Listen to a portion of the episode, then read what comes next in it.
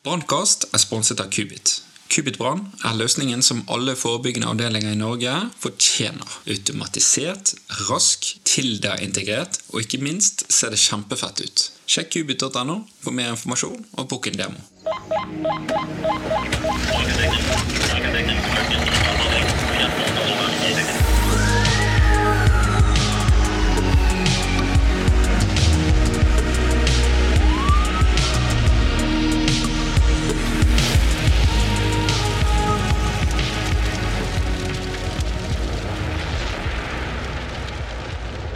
Ja, velkommen tilbake. Eh, Siste episode så tok vi oss eh, litt gjennom eh, basics rundt det her med CBR-ene.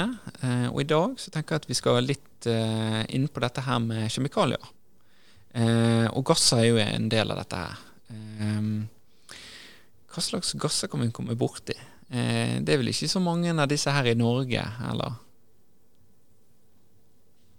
Ja, Tenker du da på kjemiske stridsmidler, eller tenker du på kjemikalier? For det er jo et, en uhorvelig mengde ulike kjemikalier eh, rundt omkring, både i industri og eh, transport på veier. Mm. Eh, Så det, det er jo mest industrikjemikalier som kommer borti på, på hendelser. Og for industrien så er det jo ofte da industrikjemikalier, men eh, for brann og redning så er det jo en hendelse med de kjemikaliene enten på ulykker eller eh, transportulykker. Ja, og Det som er fint, som eh, Lars er inne på, det med, med industrien, og det er jo industrien vi finner eh, de aller fleste kjemikaliene. Det vi i brann og redning verdsetter veldig, er jo det at da har vi bra kontroll på hva vi har med å gjøre, hva vi står overfor. Det som vi syns er mer ullent, er jo det som da går på samlagring, stykkgods, der det er mye forskjellig som kan reagere med hverandre.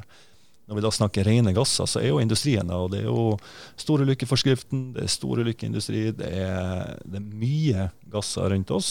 Eh, bare sånn til privat bruk så er det jo stort sett propan som brukes.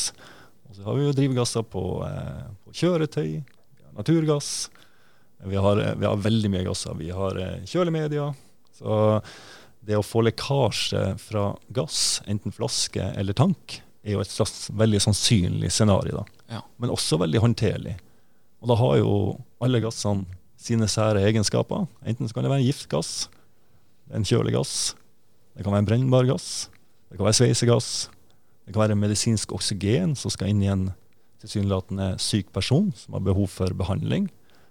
Og alle sammen har sine sære egenskaper, enten om de da har en sikkerhetsventil for å sikre at flaska ikke eksploderer eller revner, eller om det ikke har en sikkerhetsventil, men da er lagra under ekstremt høyt trykk, som da kan bli påvirka av f.eks. ekstern varme. Dvs. Si at den f.eks. ligger i et brønnrom, hvor flaska blir berørt av varmen, og hvor vi ender opp i en eksplosjon.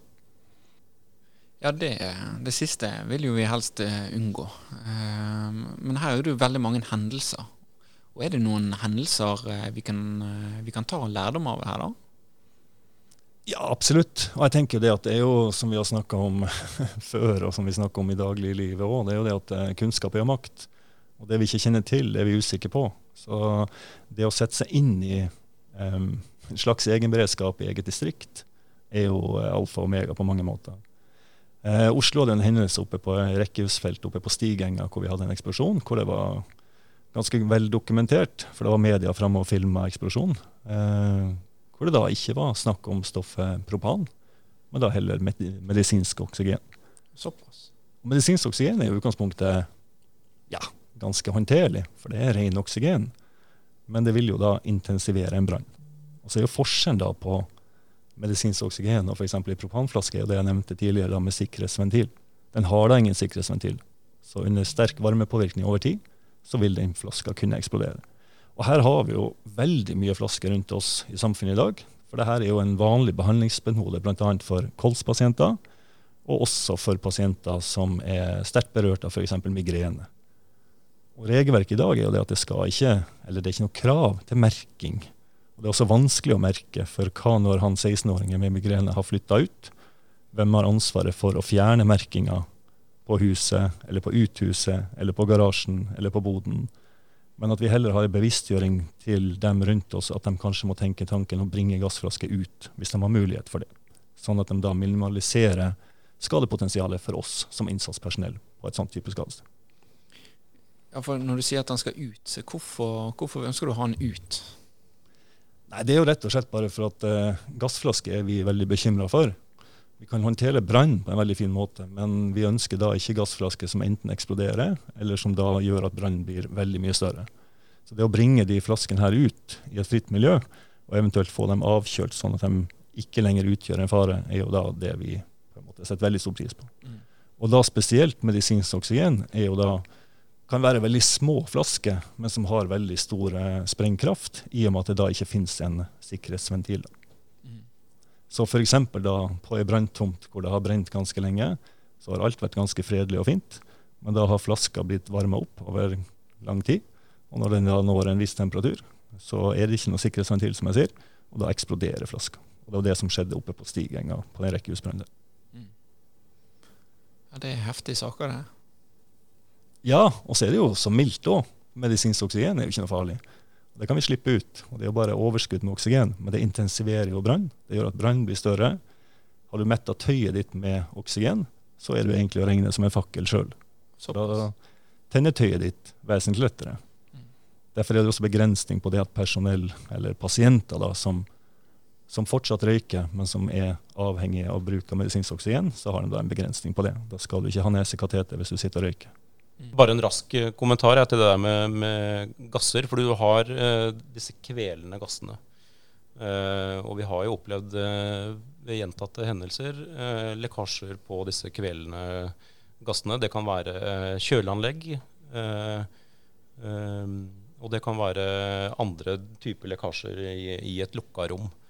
Um, og der ønsker vi jo selvfølgelig at de som eventuelt har symptomer rundt det her, og Da er det ikke bare flaska. For du kan ikke bare ta med deg et sånt kjøleanlegg ut, men at det, det raskt evakueres. da. Mm. Så gasser i seg selv er i, i det lukka rom eh, en kompliserende faktor. Mm. Eh, og det kan i seg selv være eh, nok med at alt av, eh, alt av, de pasientene, eller de som da oppholder seg i det rommet, eh, får raskt evakuert. Eh, og gir umiddelbar eh, Eh, effekt eh, når, så, folk, eh, så, fort folk kommer seg ut. Da. Ja. Mm. Det var jo en hendelse her i hva ble det, to år siden. Rave Cave.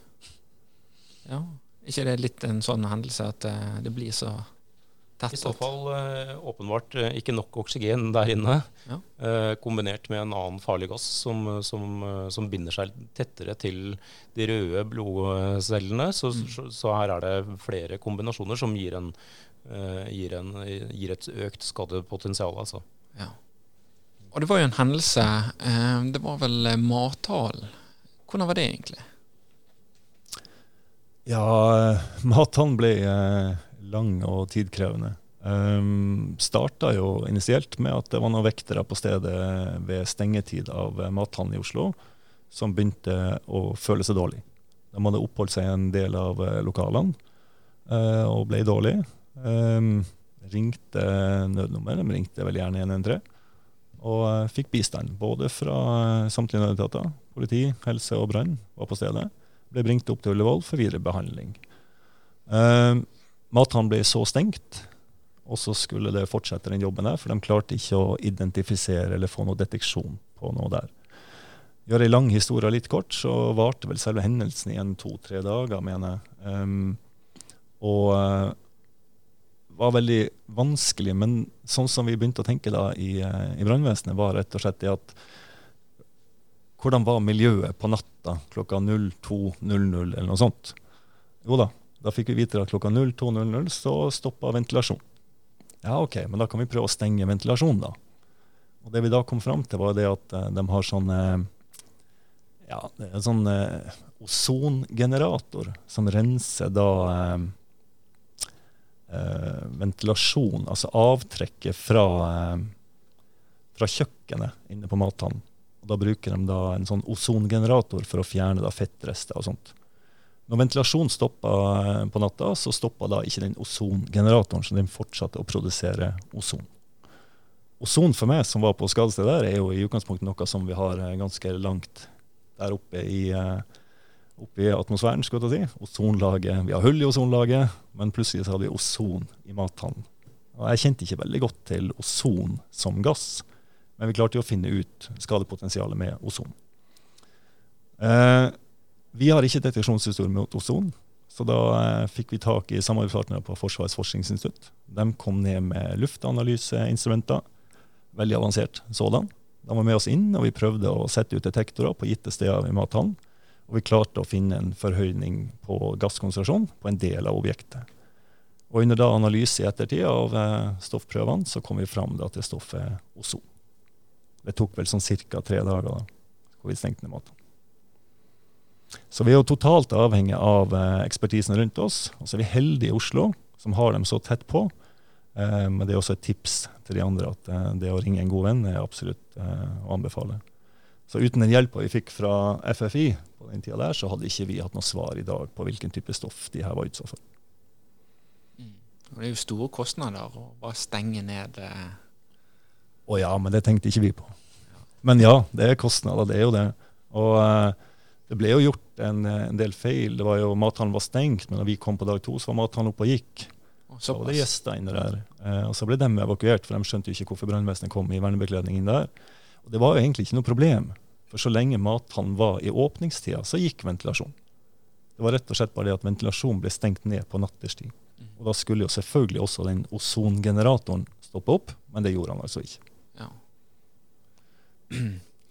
Eh, Hva slags eh, egenskaper har eh, alle disse gassene? Vi var jo litt inne på dette men ja. Ja, for brann- og redning sin del så, så opererer jo vi med fullstendig annerledesvern. Men for, for en eventuell forulykke som da er i det miljøet, så er det jo på mange måter den som er størst skadepotensial rent akutt, er dem som er oksygenfortrengende. Mm. Eh, og det er jo helt usynlig. Det er bare det at du begynner å få hodepine, og så, eh, og så har du for lav oksygenkonsentrasjon til at du kan puste normalt. og Dermed så svimer du av. Og Det er mange årsaker til det. Eh, for oss er det veldig enkelt å jobbe i et sånt miljø, for vi har fullstendig åndedrettsvern. Men for de andre nødetatene som da kanskje har eh, vernemaske med filter, så er nødt til å ha kontroll på oksygennivået rundt seg for å kunne operere trygt. Der har du jo de store risikofaktorene. Altså siloer. Du har tank. Arbeid i tank er jo en av de store si, ulykkeshendelsene.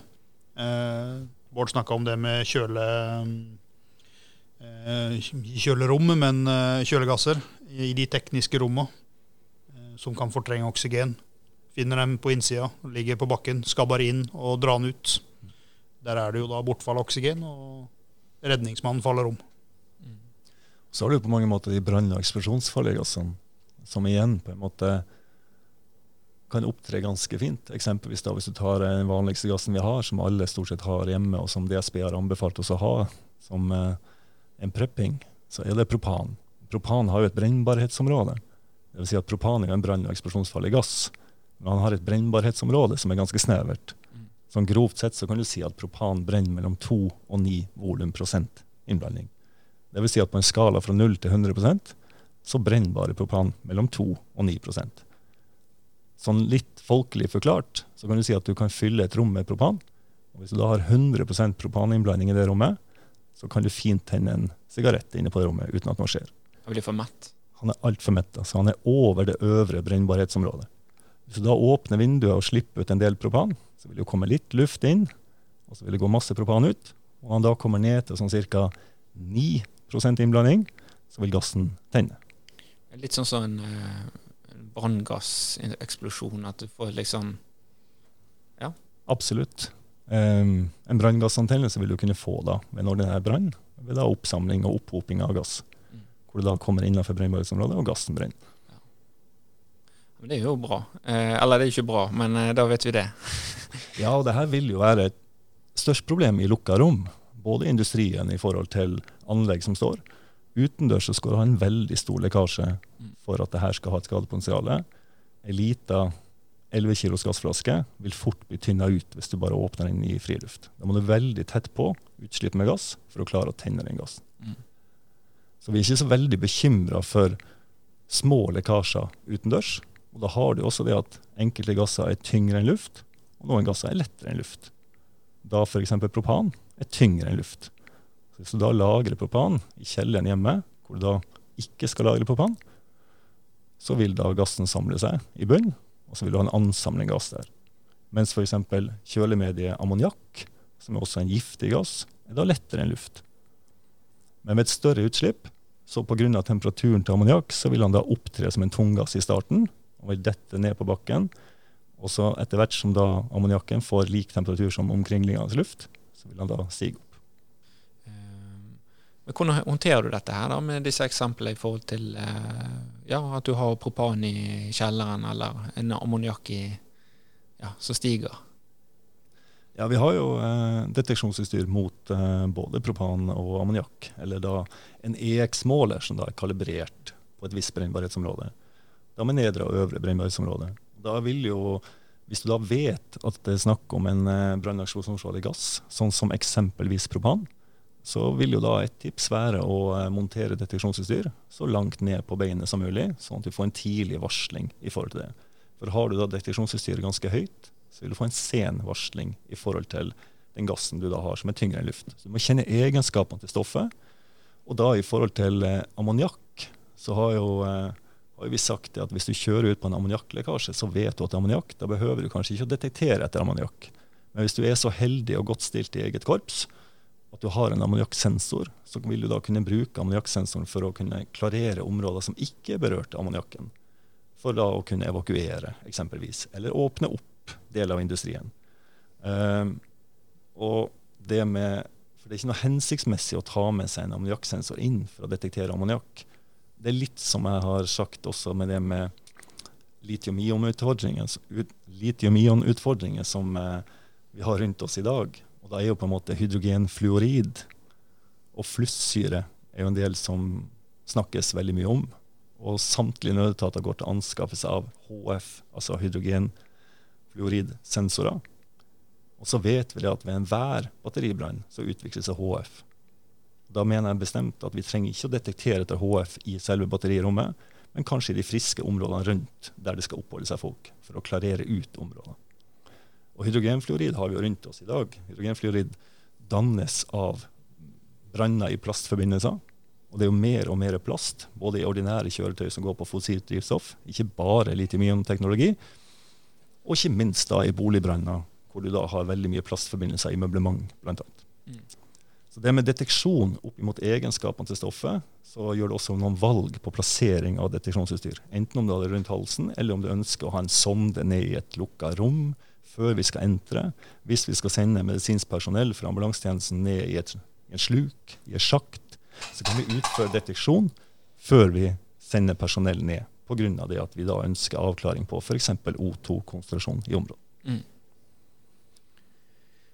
Men eh, ja, altså etter du har på en måte detektert det, da, altså, er det bare å åpne vinduene og la ammoniakken bare fly ut, eller støvsuge ut eh, propan? Ja, absolutt. Det her vil tynnes ut. Det tynnes fort ut. Ja. Og en gass som er lettere enn luft, vil jo på mange måter pga. egenskapene Ofte er han eh, også veldig kald, mm. så han vil samle seg langs bakken i starten, og så vil han da opptre som en lett gass etter hvert. Så har du f.eks. da vi får melding om propangasslekkasje innendørs, så er jo på en måte tiltakene her er å få lufta ut. Uh, vi ønsker ikke å gå inn, rett og slett pga. at når vi åpner døra, så vil du kanskje komme inn under optimal blanding, og vi kunne få en antennelse av gassen inne. Så starter vi på utsida. Det kan være så enkelt som at du får lokalt E-verk til å gjøre ei uh, fjernutkobling av strømmen. Da har du fjerna tennkilden på objektet. Du nærmer deg objektet, og du starter med å ventilere. Dvs. Si at du åpner kanskje opp hoveddøra, du åpner vinduet fra utsida. Du gjør en del tiltak for å minimalisere faren for en eksplosjon innendørs. For det er inne i rukka rom du har det største skadepotensialet med en brann- og eksplosjonsfarlig gass. Er åpent lende ute, så vil du kunne få en brann, men du får ikke en eksplosjon. Det hørtes veldig lurt ut. Var det en sånn kjapp kommentar rundt dette med, dette med disse eh, gassene.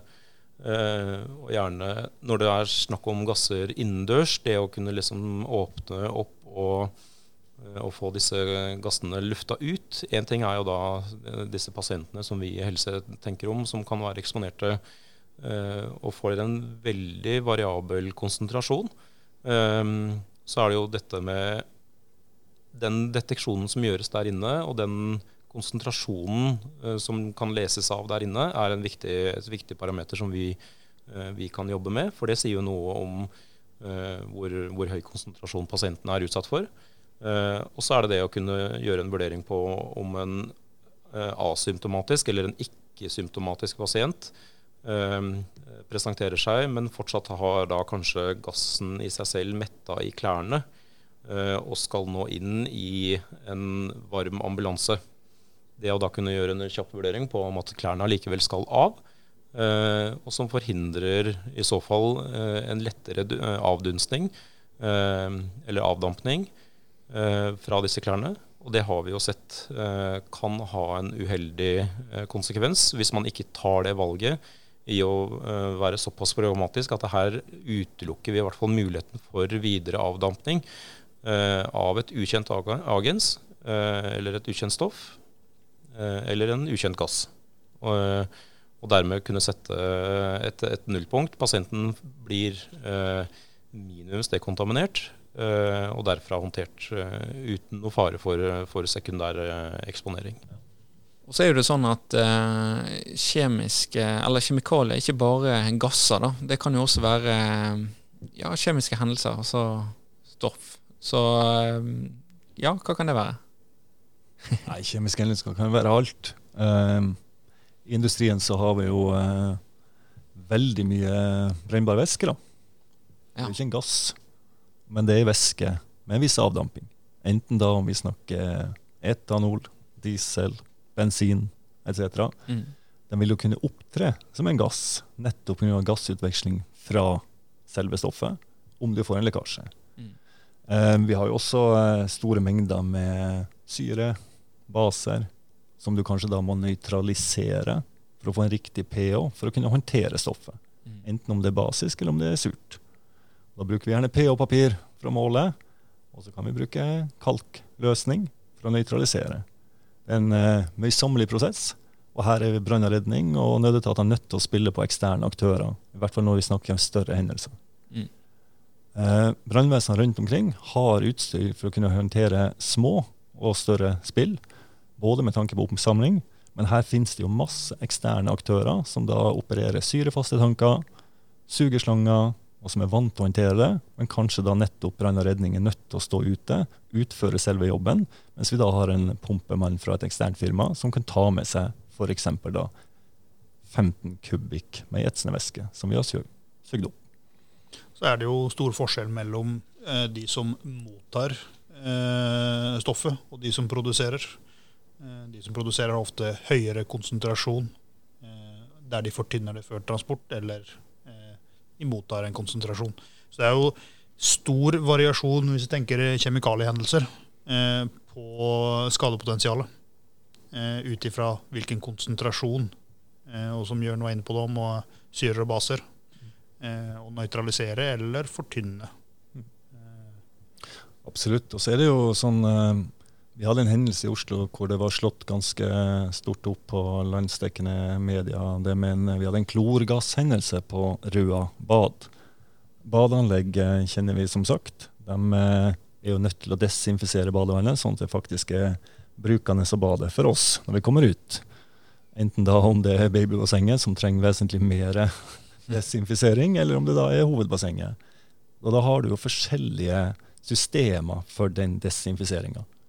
Og jeg husker jo så godt når jeg var hakket yngre enn jeg er i dag, så eh, stinker jeg jo da klor i mange uker etterpå. Du behøvde i hvert fall ikke vaske den badebuksa, for å si det sånn. Mens i dag så er det mye mindre klorlukt i badeanlegg. Og så er det litt sånn kjent at hvis det lukter kraftig med klor, så kan du være sikker på at det vannet her jobber de hardt med for å holde på et visst nivå. Men hvis du ikke merker noen ting, så er det kanskje et veldig bra anlegg. Og Da er det f.eks. at de kan bruke natriumhypoklitt, som da er virkestoffet i klorin, som du da kjøper gjerne på butikken. Og du kan bruke saltsyre. Og I kombinasjon av det her så får du en bra desinfiseringsegenskap. Men da hvis du blander f.eks. saltsyre og natriumhypoklitt på utsida av blandesystemet, så vil du da kunne få klorgassutslipp. Så Dette er jo en sånn tenkt scenario også hvis du får brann i et badeanlegg, hvor da bygget brenner ned, opp og bort så har du kanskje en hel del kjemikalier på stedet som vil kunne medføre en ytterligere konsekvens under brann hvis de stoffene kommer i kontakt med hverandre. Men her finnes det veldig mange forskjellige systemer i dag, og de aller fleste er veldig, veldig bra. Vi har drevet en kartlegging av det nå i Oslo og sett på hvilke systemer vi har rundt oss, og hvordan de fungerer. Men det er mye syre og base, og, eh, og de eh, utgjør en potensiell skaderisiko. Det er fortsatt trygt å bade, og det, det, er veldig gøy for alle å være på badeanlegg. Men de har noen rensesystemer som da inneholder en del kjemikalier for at vi i det hele tatt skal kunne oppholde oss trygt der. Og Får du en for høy konsentrasjon der, så får du en høy konsentrasjon av en desinfeksjonsløsning, som da gjerne på folkemunne kalles klor. Og da står det på VG-nett at vi har en klorgasshendelse. Men klor som stoff transporteres ikke lenger i Norge. Det er over ti år siden det ble fasa ut. Så i dag, hvis du da har behov for klor nede i Kristiansand, så transporterer du heller saltsyre fra Oslo på jernbanen og ned, og så henter du ut kloren ut av saltsyra og bruker den til. Vesentlig tryggere under transport og mindre klorgass under transport. Der har jo industrien, som det var vel du, på der det er feil blanding. De har konsentrat som skal blandes ut før bruk, eh, men eh, om det var ledningsbrudd eller hva det enn det var for noe, eh, som resulterer i personskade pga. at konsentrasjonen er for, for kraftig. Ja, og sånn avslutningsvis, eh, har dere noen eh, gode råd til eh, de som skal håndtere dette her? Det her med kjemiske gasser og hendelser, da. Tenker at Det viktigste der er, som, som jeg nevnte, dette med det lokale, den lokale forankringen. Det å kunne ha et nettverk lokalt er, er veldig viktig. Med de rette ressurspersoner som enten har et fagfeltsansvar, sånn som Jørn har, Eh, og som, og, som, jeg også har, eh, vil være nøkkelspillere i, eh, i et sånt lokalt initiativ. Og så kan man spille inn derfra med øvelser på de rette objektene. Kanskje man har gjort en ROS-analyse på de objektene med størst skadepotensial, i hvert fall. og de rette kontaktpersonene på et sånt objekt vil kunne kunne gjøre øvelsene enda mer realistiske. Og knytte det kanskje opp mot, mot, det som er størst sannsynlighet for kan skje. det er nok det viktigste når det gjelder å være forberedt på disse, disse hendelsene med, med, med, kjemiske stoffer. Mm. Ja. ja, det hørtes egentlig veldig fornuftig ut. Men den er grei. Da tenker jeg at vi avslutter denne lille episoden om kjemiske gasser og hendelser. Og I neste episode så skal vi snakke om eh, biologisk eh, agens og hendelser knyttet rundt dette her. Takk for nå.